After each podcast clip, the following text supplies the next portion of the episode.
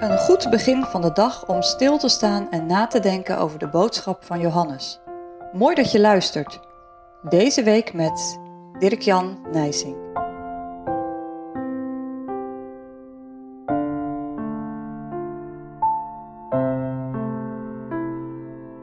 Ik lees 1 Johannes 1, vers 2 tot en met 4. Want het leven is geopenbaard. En wij hebben het gezien.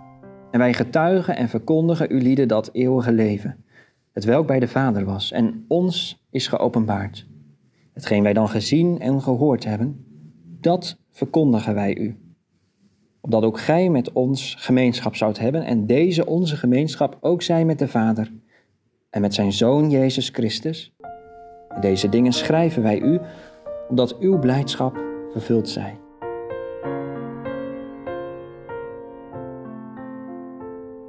Het thema voor vandaag is getuigen, verkondigen en schrijven.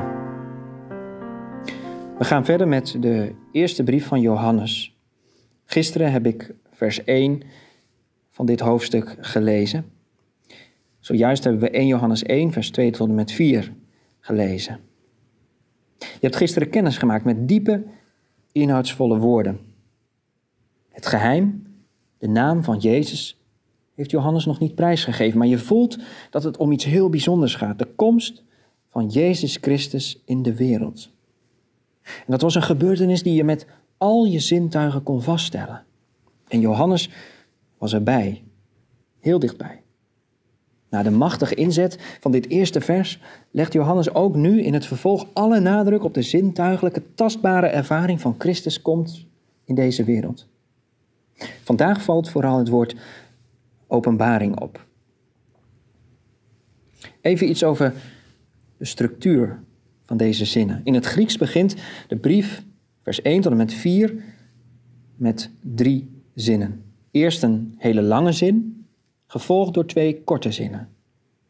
Het belangrijkste werkwoord van de eerste zin staat helemaal aan het einde. Wij verkondigen. Op die manier wordt de spanning door Johannes opgebouwd en alle nadruk komt te liggen op de inhoud van de boodschap die hij samen met de andere apostelen verkondigt. Die inhoud, die inhoud van de boodschap is dat het leven is geopenbaard. Het eeuwige leven dat bij de Vader was. Jezus Christus, de Zoon van God, is het leven. In de doodse toestand van de zonde heeft God het eeuwige leven onthuld. Dit is geen meditatief pad dat je in een soort hogere toestand van verlichting en extase brengt, zodat je even ontsnapt aan de zorgen en moeite van het leven, zoals in het boeddhisme. Nee, het is zelfs andersom.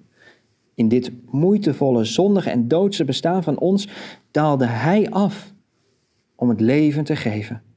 Om deze wereld te vernieuwen, om een nieuwe werkelijkheid te vestigen waar de dood geen heer en meester is.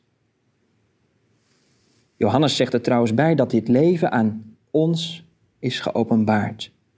God heeft het woord van het leven niet wereldwijd aan iedereen geopenbaard. Het begon heel klein, in Bethlehem, in Galilea, bij herders en vissers, een kleine discipelkring. Dat is de ironie van het koninkrijk van God. Geen billboards, commercials of een doordachte campagne, maar een klein begin. Sprak Jezus zelf niet over een mosterdzaadje. Mensen gaan eraan voorbij, ook vandaag. Het is niet interessant. Het is niet relevant en onze ogen worden weggelokt naar veel grotere dingen. Maar dat is een vergissing. Ons is het geopenbaard, zegt de apostel. En ik hoop dat jij daarin de verwondering bij hem voelt doorklinken. Laat het je verlangend maken. Ons is het geopenbaard, zegt Johannes. Even tussen haakjes, Johannes kan dit geheim dus niet voor zichzelf houden, maar hij moet ervan getuigen. En hij heeft daarbij één duidelijk doel. Hij wil dat mensen, net als hij zelf, gemeenschap mogen hebben met de Vader en met zijn Zoon Jezus Christus. Alleen dat geeft vervulling van blijdschap. Deel jij in deze gemeenschap? Ken je de blijdschap over Jezus' komst? Het is ons geopenbaard. Johannes kan dat zeggen. En jij? Want het is trouwens allerminst vanzelfsprekend. En zeker als je hierbij opgegroeid bent, loop je het risico voorbij te gaan aan deze dingen. Ik hoop dat deze woorden van Johannes je dan raken. Je hebt bekering nodig. Je bent zo dichtbij. Je staat alleen met het gezicht naar de wereld gericht. Draai je om. Bekeer je. Want je denkt dat de wereld jouw blijdschap vervullen kan, maar dat is slechts schijn. Keer om. Pak je Bijbel. Daar heb je het tastbare woord van God in handen. Het is ons geopenbaard. Gods geest heeft zorg gedragen door de eeuwen heen. Over het woord. Hij was wakker over zijn woord. En zo kwam het bij ons, bij jou. Overdenk dat. Zo nodigt de Vader door zijn zoon je uit om naar huis te komen.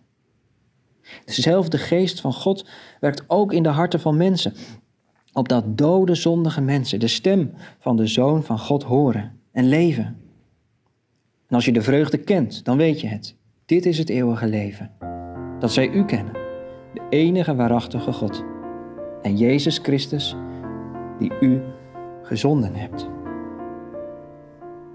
Zou jij kunnen leven met de gedachte dat God zichzelf niet heeft geopenbaard?